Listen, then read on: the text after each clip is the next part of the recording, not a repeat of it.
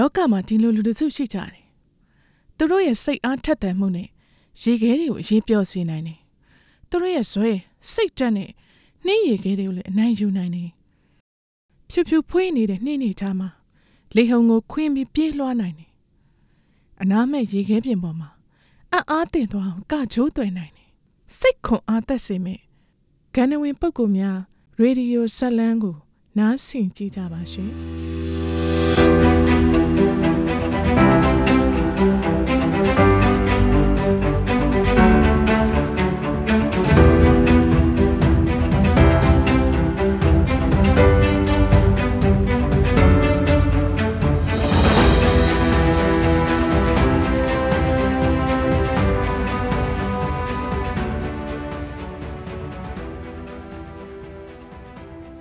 2022ခုနှစ်ဖေဖော်ဝါရီလ12ရက်နေ့မွန်းလွဲပိုင်း4နာရီတရုတ်နိုင်ငံဘေကျင်းမြို့ရှိရေခဲဖဲဂျိုလို့အခေါ်ဆိုခံရတဲ့အမြန်စီးစကိတ်ခမ်းမကြီးထဲမှာ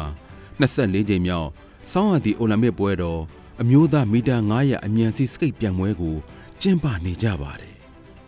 ဒီပြိုင်ပွဲကိုအဖွဲ့15ပွဲနဲ့စုစုပေါင်းလက်ရွေးစဉ်အယောက်30ဝင်ရောက်ရှင်ပြိုင်နေကြပါတယ်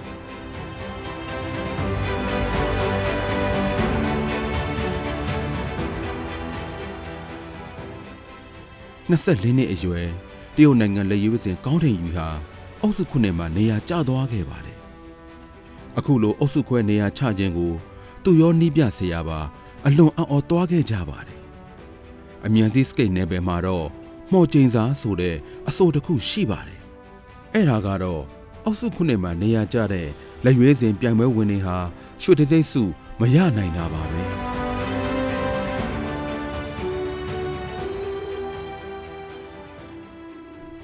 ဆောင်းဝါဒီအိုလံပစ်ပွဲတော်ကအမြန်သီးစကိတ်ပြိုင်ပွဲစီးမြင့်စည်းကမ်းအရာလက်ရွေးစင်ပြိုင်ပွဲဝင်တွေဟာနှစ်ယောက်တစ်ဖွဲ့ဖွဲ့ပြီးတော့မှအုပ်စုခွဲပြိုင်ရပါတယ်။လက်ရွေးစင်အားလုံးပြိုင်ပွဲပြိုင်ပြီးတဲ့နောက်မှာတော့ကိုယ်ပြိုင်ပွဲရလဒ်နဲ့အမှတ်ပေးစရာမှာအဆင့်သတ်မှတ်ကြပြီးတော့ပထမဆုဒုတိယဆုတတိယဆုတို့ကိုဘယ်သူရရှိမလဲဆိုတာအဆုံးအဖြတ်ပေးပါတယ်။အဲဒါကြောင့်အမြန်စီးစကိတ်ပြိုင်ပွဲက နောက်ဆုံးပြိုင်ပွဲဝင်ပြိုင်လို့မပြီးမချင်းပထမဆုကိုဘယ်သူရမယ်ဆိုတာမသိနိုင်ကြပါဘူးထို့အတူဆောင်းရသည့်အိုလံပစ်ပွဲတော်ရဲ့စီကံအရာအကြိုဘိုလ်လူပွဲကအမှတ်ပေးစီးရင်တွေကအမှတ်အနည်းဆုံးလက်ရွေးစင်12ယောက်ကိုပထမအုပ်စု6စုထဲမှာနေရာချပေးပြီးတော့မှရှင်ပြိုင်ခိုင်းပါတယ်ပထမအုပ်စု6စုပြီးမှဆက်ပြိုင်ရမယ်လက်ရွေးစင်တွေက အကြိုဘိုလ်လူပွဲထဲမှာရမှတ်ကောင်းတဲ့လက်ရွေးစင်တွေပဲဖြစ်ပါတယ်လူတော်လူတော်ချင်းပြန်ရမှာဆိုတော့အုပ်စုခုနှစ်ပြန်ပွဲကနေစပြီးတော့မှပွဲအခြေအနေကတဖြည်းဖြည်းအရှိန်တက်လာကြပါတယ်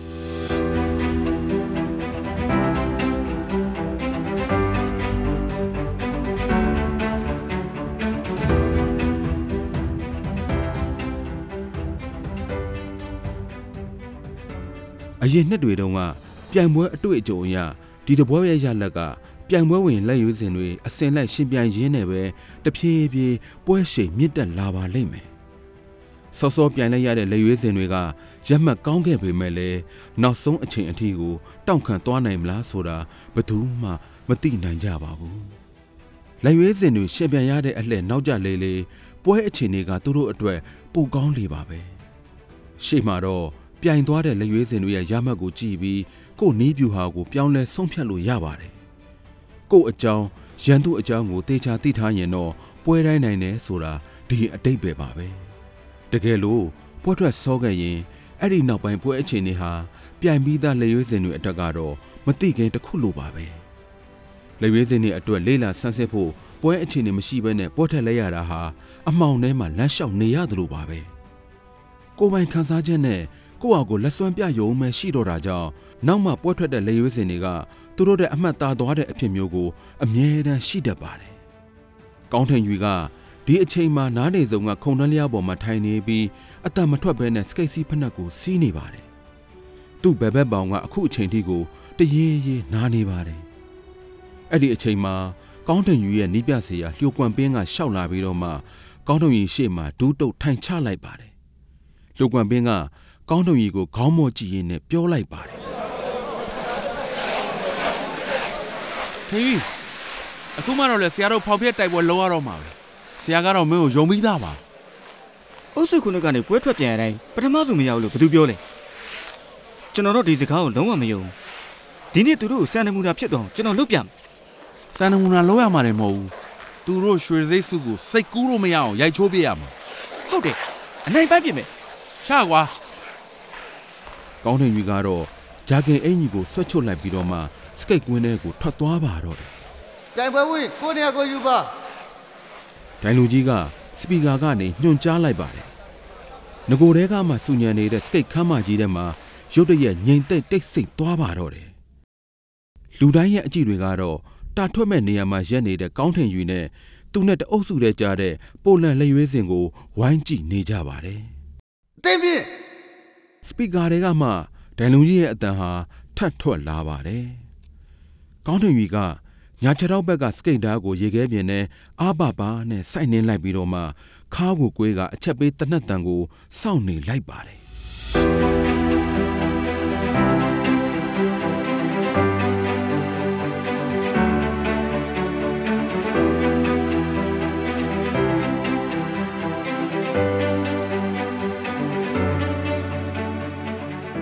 တင်ယူရဲ့ဇာတိက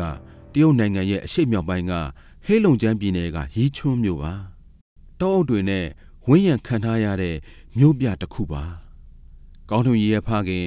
ကောင်းဟန်ကြီးကတော့စောက်အုပ်ကြီးလိုပုံသေးကားချက်နဲ့စီကံကြည့်ပြီးတော့ရိုးသားသူတစ်ယောက်ဖြစ်တယ်လို့သူ့ရဲ့ဒီသားလေးကိုတော့အယမ်းချစ်ပါတယ်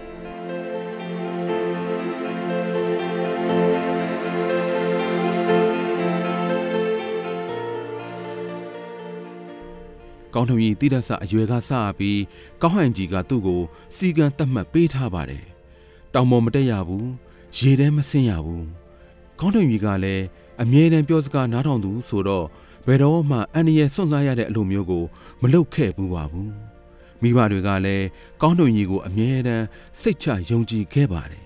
။ဒီတစ်နှစ်ရဲ့နွေရာသီကျောင်းမရက်မှာတော့ကောင်းထွင်တယောက်ရိုလာစကိတ်ကိုဆွဲသွားခဲ့ပါတယ်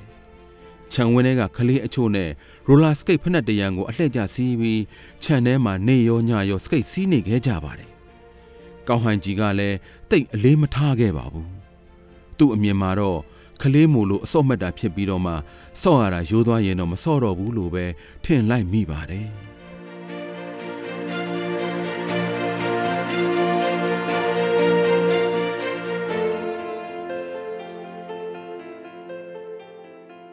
နောက်တစ်နှစ်မှာတော့ကောင်းတွင်ကြီးဟာမူလတန်းတတိယနှစ်တက်တဲ့အရွယ်ရောက်လာခဲ့ပါတယ်။နိုဝင်ဘာလရောက်တဲ့အခါမှာရီချွတ်မြို့ရဲ့ရာသီဥတုဟာတရက်တက်တရက်ပို့ပို့အေးလာပါတော့တယ်။မိုးမောင်တာကလည်းတရက်တက်တရက်ပို့ပို့ဆောလာပါတယ်။ဒီတစ်နေ့မှာတော့မွန်းလွဲ၄နာရီကျော်တဲ့ကလုံးဝမိုးမှောင်သွားခဲ့ပါပြီ။ကောင်းတွင်ကြီးရဲ့အမေကျန်းရှောင်လေးကတော့မိဖို့ကြောင့်မှညစာချက်ရင်းနဲ့သူ့သားလေးအိမ်ပြန်အလားကိုစောင့်နေခဲ့ပါတယ်။ ဒါပေမဲ့လည်းတော်တော်ကြာတဲ့အထီကို ပြန်မရောက်လာသေးပါဘူး။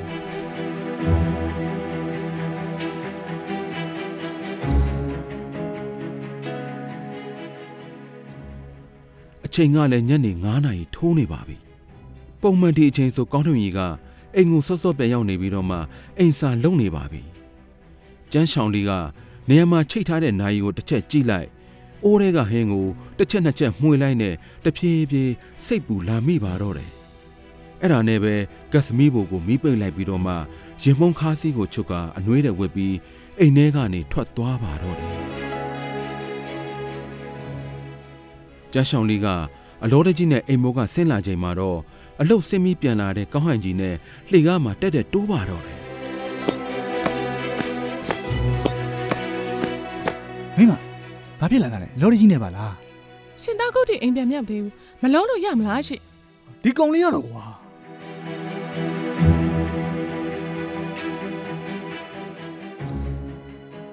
ကောင်းဟန်ကြီးကဒီသတင်းကိုကြားတော့ကြမ်းရှောင်လေးတဲ့တောင်ပိုစိတ်လောသွားပါတယ်အိမ်မော်တော်မတက်နိုင်ပဲနဲ့နောက်ပြန်လှဲကကြမ်းရှောင်လေးနဲ့အတူပြေးစင်သွားပါတော့တယ်လင်မယားနှစ်ယောက် ကောင်းတင်ရီကြောင်းလွတ်တိုင်းပြန်လာတတ်တဲ့လမ်းတိုင်းကိုတလန်းချင်းစီလိုက်ရှာရင်းနဲ့ကောင်းတင်ရီရဲ့အကြောင်းကိုရောက်လာခဲ့ကြပါတယ်ကျောင်းရှိကိုရောက်တော့ကျောင်းတကလျံကနေကျောင်းကစားကွင်းထဲမှာမာဂျူလီမီးလုံးတွေထိမ့်ထိမ့်လင်းနေအောင်ထွန်းထားတာကိုမြင်လိုက်ကြရပါတယ်ယောက်ျားလေးမိန်းကလေးအဖွဲဖွဲတွေကကာယဆရာရဲ့ညွှန်ကြားမှုအောက်မှာအကြမ်းပြင်းလှုပ်ထားတဲ့ရေခဲစကိတ်ကွင်းထဲမှာစကိတ်စီးလေ့ကျင့်နေကြပါတယ်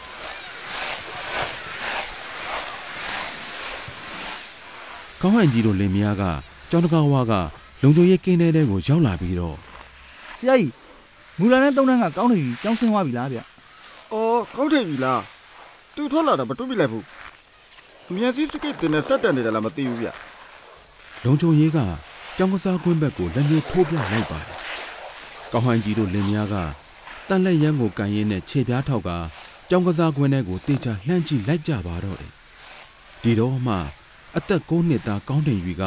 ဂျာကက်တစ်ထည်သာဝတ်ထားပြီးတော့မှအုတ်ထုတ်လည်းမဆောင်းထားပဲနဲ့ချွေးတလုံးလုံးနဲ့ရေခဲပြေပေါ်မှာစကိတ်စီးနေတာကိုမြင်လိုက်ကြရပါတယ်အနှွေးတဲ့အင်ကြီးကဘယ်ရောက်နေမှန်းမသိခေါင်းပေါ်မှာလည်းအပူငွေ့တွေတထောင်ထောင်ထွက်နေပါတယ်ပါဇက်ထဲကလည်းအာငွေ့တွေထွက်နေပါတယ်ဒီကလေးကတော့လေအေးမိသွားရင်ဘယ်လိုလုပ်မလဲကျန်းဆောင်လီကသူ့သားကိုမြင်လိုက်တော့ စိတ်ထဲမှာပူပန်သွားမိပါတယ်။သားရဲ့နာမည်ကိုအော်ခေါ်ဖို့လှုပ်လိုက်ပေမဲ့လည်းဘဲညာပြန်ကြည့်လိုက်တော့ကျန်တဲ့ចောင်းသားမိဘတွေကမြင်နေရတာရိုးနေပြီဖြစ်လို့ငြိမ်ငြိမ်စိတ်စိတ်ရက်ကြည့်နေတာကိုမြင်ပြီးအော်ခေါ်ရမှာအာနာသွားပါတယ်။ကောင်းဟိုင်ကြီးကလက်နောက်ပစ်ပြီးဘေးနားမှာလှည့်ပတ်ရှောက်နေပါတယ်။နောက်ဆုံးတော့လေ့ကျင့်ရေးပြီးသွားခဲ့ပါတယ်။ကောင်းထိန်ကြီးက အတန်းဖော်တွေနဲ့အတူကျောင်းအပြင်ကိုထွက်လာကြပါတယ်။ကောင်းဟန်ကြီးကတော့မျက်နှာကြီးမဲပြီးကောင်းထိန်ကြီးရှေ့ကိုရောက်လာပါတယ်လာအိမ်ပြန်မယ်။ပြောပြီးတာနဲ့နောက်လှည့်ပြီးအိမ်ပြန်တဲ့ဘက်ကိုတန်းထွက်လာပါတော့တယ်။ကောင်းထိန်ကြီးကကြောက်ကြောက်ရွံ့ရွံ့နဲ့သူ့ဖအေနောက်ကလိုက်လာခဲ့ပါတယ်။ အမေဖြစ်တဲ့ကျန်းဆောင်လီကတော့ဒီအခြေအနေကိုမြင်တော့ချက်ချင်းလိုက်လာပြီးတော့ကောင်းထင်ကြီးရဲ့လက်ကိုဆွဲကင်ထားလိုက်ပါတယ်။မိသားစုသုံးယောက်စလုံးလမ်းမှာစကားတခွန်းမှမပြောပြစ်ခဲ့ကြပါဘူး။အဲ့ဒီနေ့ညညစာစားပြီးတဲ့နောက်မှာတော့ကောင်းဟန်ကြီးကအိမ်မှာမိသားစုအစည်းအဝေးကိုဦးစီးကြည့်မှုကျင်းပလိုက်ပါတော့တယ်။အစည်းအဝေးကောင်းစဉ်ကကောင်းထင်ကြီးကိုအမြန်စီစကိတ်တင်နဲ့ဆက်မတက်အောင်ဘယ်လိုလုပ်ရမလဲဆိုတဲ့အကြောင်းကိုဆွေးနွေးမှာပဲဖြစ်ပါတယ်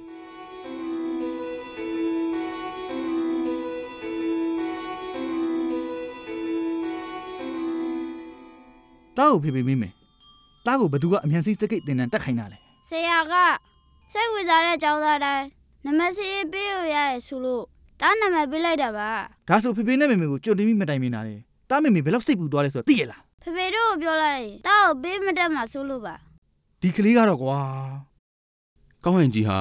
မျက်လုံးမျက်စံပြူးလာပါတော့တယ်အဖေကြီးနော်။ကျန်းဆောင်လီကတော့ကောင်းဟန်ကြီးကိုအပြစ်တင်တဲ့အကြည့်နဲ့ကြည့်လိုက်ပြီးတော့ကောင်းထွင်ကြီးဘက်ကိုလှည့်ကာ မမေကိုပြောပြပါဦးဘာဖြစ်လို့စကိတ်စီးလေးကျင်ရတာလဲဒီကစက်ကက်စီးရတာအရန်ပြောစရာကောင်းတယ်အားရစရာကောင်းတယ်လို့ထင်လို့ပါတားတည်ရလားရေခဲစကိတ်ကတကယ်လေးကျင်မယ်ဆိုတကယ်ပင်ပန်းတာအဲ့ဒီခါကျရင်ပြောစရာကောင်းတယ်လို့ထင်တော့မှာမဟုတ်ဘူးတားနားလိုက်ပါလားမမေမမေပဲအမြဲပြောရမလားလူဆိုတာဇွဲရှိရမယ်တဲ့ကောင်းရုံမီလို့မလုပ်ရဘူးတဲ့တားဇွဲရှိရှိနဲ့လုပ်တော့မှာပါတားကိုဆက်ပြီးတော့လေ့ကျင့်ခွင့်ပေးပါနော်မမေမ ဟုတ်သေးဘူးတဖြည်းဖြည်းနဲ့လမ်းကြောင်းလွဲနေပါလားဘေးမှာနားထောင်နေတဲ့ကောင်းဟန်ကြီးကအစီအဝေးအကြောင်းအရာလွဲလာတာကိုမြင်တော့ကမန်းကရတ်နဲ့ဝင်ပြောလိုက်ပါတော့တယ်တားကိုဖေဖေတခါလေးပြောလိုက်မယ်တားရေခဲစကိတ်မလေးချင်းရဘူးမနေ့ပြန်တားတို့ဆရာကိုပြောပြလိုက်ရေခဲစကိတ်တင်တန်းမတက်နဲ့တော့ဖေဖေတားကိုစကိတ်ပေးမရှိရင်တားကြောက်ထက်လက်မှန်တော့။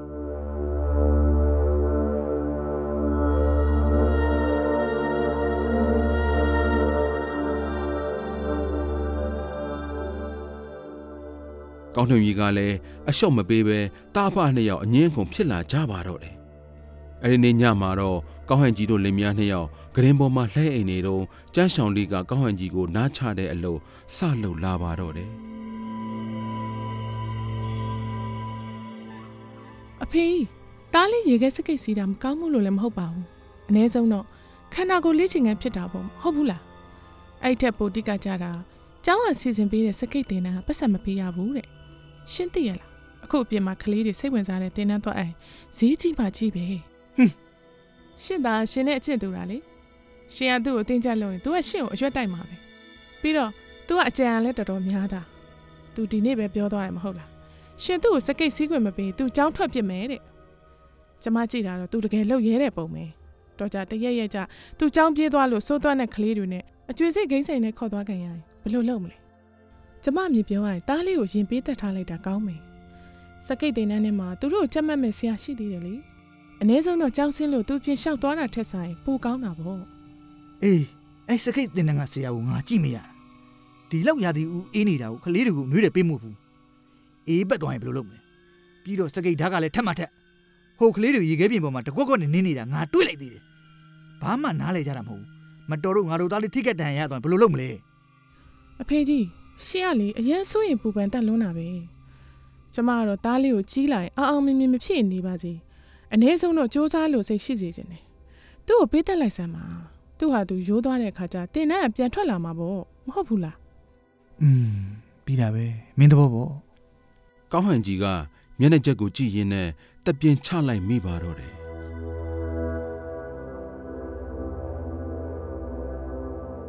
ဒီလိုနဲ့အသက်9နှစ်သားကောင်းတယ်ယူဟာအမြန်စီစကိတ်တင်နဲ့ဆက်တက်ခွင့်ရခဲ့ပါတယ်ဒါပေမဲ့သူ့ရဲ့စိတ်ဝင်စားမှုကအတော်လေးအရှိန်ရခဲ့ပါတယ်ဒီလိုလေ့ကျင့်လာလိုက်တာ၃နှစ်ကြာသွားခဲ့ပြီးတော့မူလာတန်းကြောင့်ပြီးတဲ့အထိလေ့ကျင့်ဖြစ်ခဲ့ပါတယ်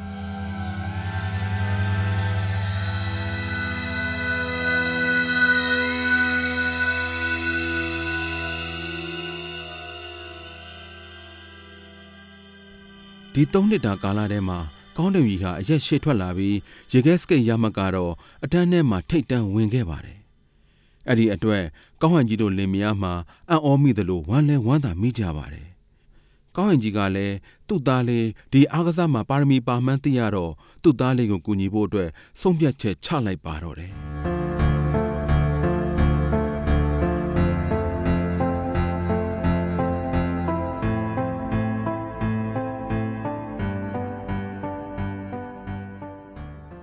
ဒီတနေ့မနက်စောစောဟဲလုံချမ်းပြည်နယ်ဟာပင်မြို့မှာကောက်ဟန်ကြီးကသူ့သားရဲ့လက်ကိုဆွဲပြီးမိရထားပေါ်ကဆင်းလာကြတဲ့လူအုပ်ကြီးကြားထဲမှာဖြတ်တန်းသွားလာနေပါတယ်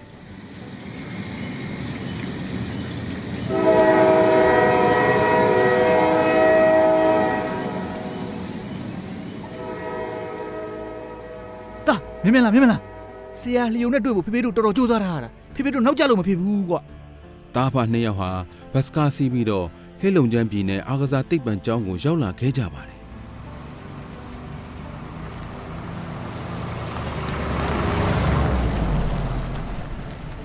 ကောက်ဟန်ကြီးကကောင်းတယ်ကြီးရဲ့လက်ကိုဆွဲပြီးကျောင်းဝင်းထဲသို့ဝင်လာခဲ့ပါတယ်အာဘလို့လာရှာတာလဲဟောဆရာကြီးမင်္ဂလာပါဗျ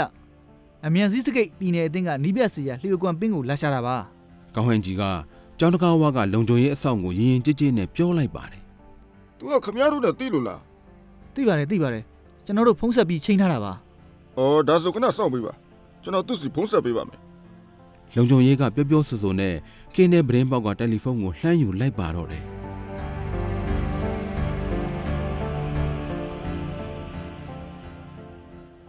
လျှို့ကွမ်ပင်းကထောင်ထောင်မောင်းမောင်းနဲ့အရှိတ်မြောက်ပိုင်းသားတက်ရောက်ပါအဲ့ဒီအချိန်တုန်းကဟေလုံကျန်းပြည်နယ်ရဲ့အမြန်စီစကိတ်အသင်းကနီးပြဆရာပါ လျှို့ကွမ်ပင်းကိုစတွင်စဉ်တုန်းကတော့အေယာမလူကြီးတယောက်သူ့ရှိမှလာရက်နေတယ်လို့ကောင်းထင်ယူထင်မြင်မိလိုက်ပါတယ်ဆရာလျိုဒါကျွန်တော်သားလေးကောင်းထင်ပြီပါထိတ်ပြီးဆရာကိုယူသေးပေးလိုက်အောင်လေထားလိုက်ပါရပါတယ်လျှို့ကွမ်ပင်းကအပြောသွက်အလုတ်သွက်တဲ့လူတယောက်ပါသူ့ရှိမှရက်နေတဲ့ကောင်လေးကိုခါကိုင်းရင်းနဲ့ငုံကြည့်လိုက်ပါတယ်တားတဲ့ဘယ်လောက်ရှိပြီလဲ73နှစ်ပါဆရာကိုတစ်ချက်လောက်စကိတ်စီးပြပါဦးကောင်းထွင်ကြီးက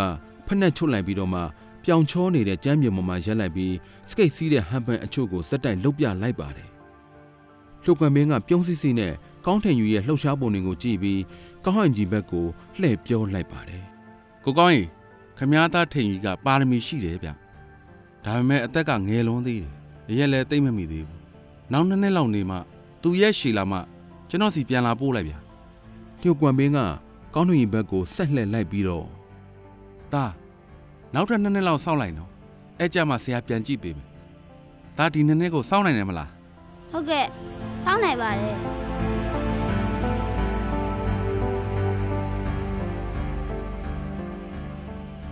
နှစ်နှစ်ကြာပြီးတဲ့နောက်ကောင်းတွင်ကြီးဟာဂရိအတိုင်းဟာပင်မြို့ကို ပြန်ရောက်လာခဲ့ပါတယ်ဒီအချိန်မှာတော့ကောင်းတွင်ကြီးကအရက်မြင့်မြင့်နဲ့စက်ကြော်သက်လူငယ်လေးဖြစ်နေပါပြီ နီးပြစီကလှုပ်ပွန်မင်းကိုပြန်တွေ့ရချိန်မှာတော့ကောင်းတွင်ကြီးရဲ့ပထမဦးဆုံးခန်းစားချက်ကဆရာလူကဘလို့ဖြစ်လို့ရက်ဖူသွားတာလဲဒါပေမဲ့ဒီအတွေးကိုအုံနောက်ထဲမှာပဲစဉ်းစားခဲ့ပြီးတော့နှုတ်ကထုတ်မပြောခဲ့ပါဘူးနီးပြလျိုကလည်းဒီတစ်ချိန်မှာတော့ဒီတပည့်လေးကိုပြက်ပြက်သားသားနဲ့လက်ခံလိုက်ပါတော့တယ်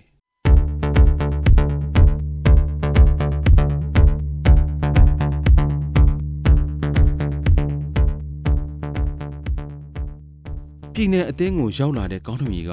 ယုံကြည်မှုတွေအပြည့်နဲ့အသင်းထဲမှာအမြန်ဆုံးဝင်ဆက်နိုင်အောင်စိတ်ကူးထားခဲ့ပါတယ်ခဏအကြာမှာတော့အခြားအသင်းမော်တွေလည်းကွင်းထဲကိုအတီးအတီးရောက်လာကြပြီးတော့တွဲပူလေ့ကျင့်ခန်းလုပ်ရင်းနဲ့နိပြဆရာရောက်လာကိုစောင့်နေကြပါတယ်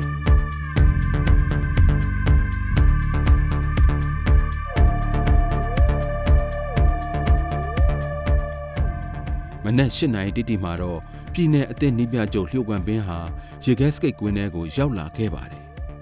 အသင်းသားတွေနိပြရောက်လာတာကိုမြင်တော့လှင်လင်းမြန်မြန်နဲ့ခါတိုင်းလိုစနစ်တကျတန်းစီလိုက်ပါတော့တယ်စကိတ်ကွင်းတစ်ခုလုံးဟာရုပ်ချငိမ်ကျသွားပါတော့တယ်လျှို့ကွမ်ပင်းက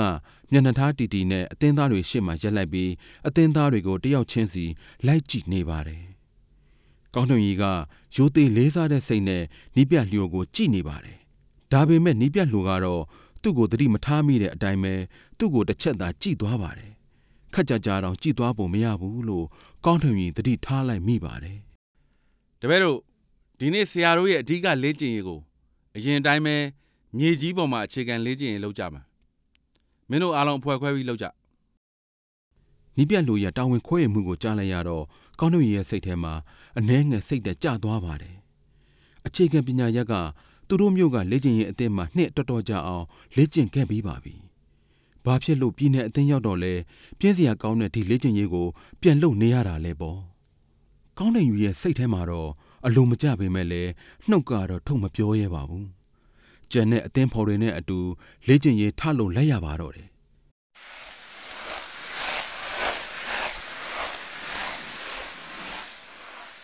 အမြန်စီစကိတ်ရဲ့ မြေပေါ်မှာလောက်ရတဲ့ အခြေခံလေ့ကျင့်ရေးက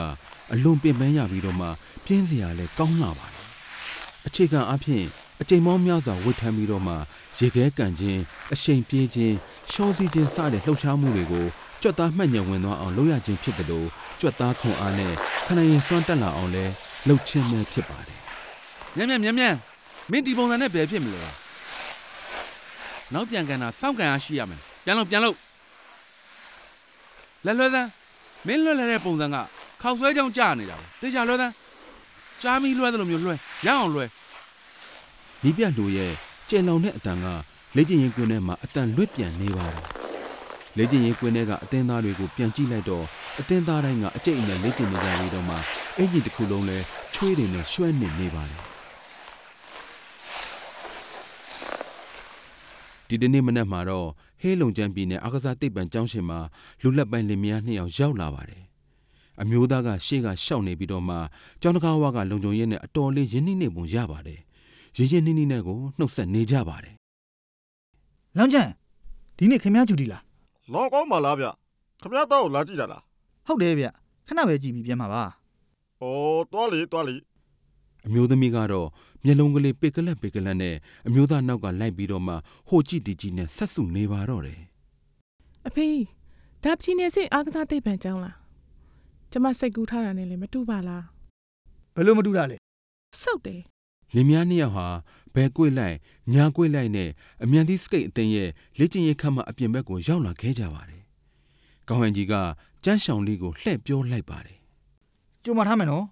ဘာပဲမြင်မြင်စူစူပူပူမလုပ်ရဘူးနော်ငါပြောတာကြားလား။ကြမ်းရှောင်လေးကခြေပြားထောက်ပြီးအမြန်သီးစကိတ်လက်ကျင်ရိတ်ကွင်းရဲ့ဗရင်ပေါက်ပေါ်တွဲတက်လိုက်ပါတယ်။ ဘီလက်မြေနေရမော်က အုတ်တိုင်လေးကို ခြေပြားထောက်ပြီးတော့မှဗရင်ပေါက်အပြင်က လက်ရန်ကို လက်နှစ်ဘက်ကတေချာကင်ထားပြီးတော့မှလက်ကျင်ရိတ်ကွင်းထဲကို လှမ်းမြော်ကြည့်လိုက်ပါတယ်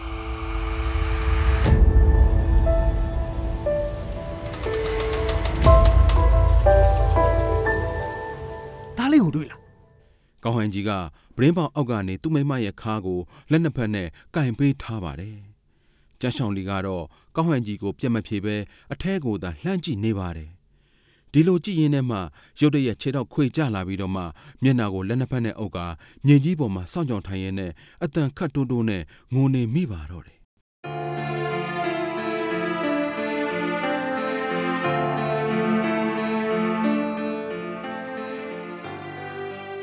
ဘာဖြစ်ရတာလဲကောင်းဟန်ကြီးက သူ့မိန်းမ ငိုနေတာကိုမြင်တော့ ချက်ချင်းဗနင်းပေါက်ပေါ်ကို တွက်တက်ပြီးတော့လက်ကျင်ရင်ကွင်းထဲမှာ သူ့သားကိုလက်ရှာနေမိပါတော့တယ် ဟိုရှာဒီရှာနဲ့ရှာနေရင်းနဲ့မှကောင်းထင်ကြီးကို ရှာတွေ့သွားပါတော့တယ်ဒီအချိန်မှာကောင်းထင်ကြီးကလဲထုံနေတဲ့နွားကြီးလိုကိုယ်ပေါ်မှာလှဲတဘိုးလိုမျိုးကပတ်ကြီးကြီးတစ်ခုကိုစွတ်ထားပြီးတော့မှခါကိုင်းကမြေကြီးကိုအားနဲ့စောင့်နေပါတယ်ကောင်းတယ်ကြီးရဲ့အနောက်ဘက်မျက်စောင်းထိုးမှာတော့အာကစားသမားအချို့ကကြိုးတန်းဆွဲတယ်လို့မျိုးကပတ်ကျိုးရဲ့အဖျားတစ်ဖက်ကိုကြစ်ကြစ်ပါအောင်စုပ်ကန်ပြီးတော့မှကောင်းတယ်ကြီးကိုရှေ့မတိုးနိုင်အောင်ဆွဲထားကြပါတယ် ကောင်းတယ်ကြီးကတော့ရှိသမျှခွန်အားသုံးပြီးတော့မှဒီအတင်းသားတွေဆွဲထားတာကိုအန်တုပြီးတော့နည်းနည်းချင်းစီရှေ့တိုးသွားနေပါတယ်လက်ဘဲမှာလည်းအကျော်တွေအမြောင်းလိုက်ထနေပါတယ်ခန္ဓာကိုယ်တစ်ခုလုံးကလည်းရင်းနဲ့ဆိတ်ထားသလိုမျိုးဆုပ်ရွှဲနေပါတော့တယ်။ချွေးသီးချွေးပေါက်တွေကတော့မေးစိကနေကြမ်းမြင်မော်ကိုတပေါင်းပေါင်းနဲ့ကြာနေပါတယ်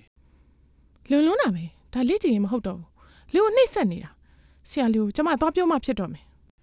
ကျန်းဆောင်လီကတော့မျက်ရည်တွေတုပ်ပြီးတော့မတ်တက်ရက်လိုက်ပါတယ်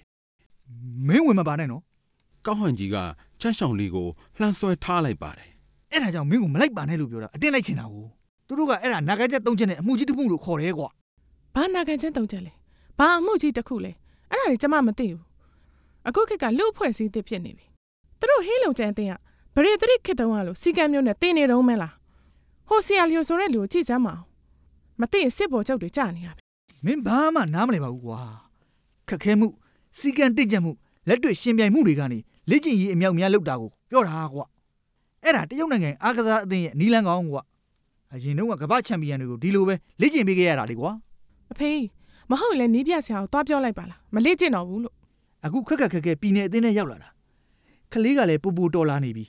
ဒီလိုနောက်ပြန်ဆုပ်လို့ဘယ်ဖြစ်မလဲပြီးတော့အခုချိန်မှာမင်းကမလေးကျင့်ပါနဲ့လို့ပြောလေမလေးကျင့်တော့ဘူးတဲ့လား ငါတို့တားလေးရဲ့အကျင့်နဲ့ဆိုတို့နှစ်ယောက်ပြောတာကိုနားထောင်ပါတယ်လားလာလာပြန်မယ်ပြန်မယ်တားလေးចောင်းပိတ်ရဲ့အိမ်ပြန်ရောက်မှဟင်းကောင်းထမင်းကောင်းပို့ချက်ကျွေးတာပေါ့ကွာ။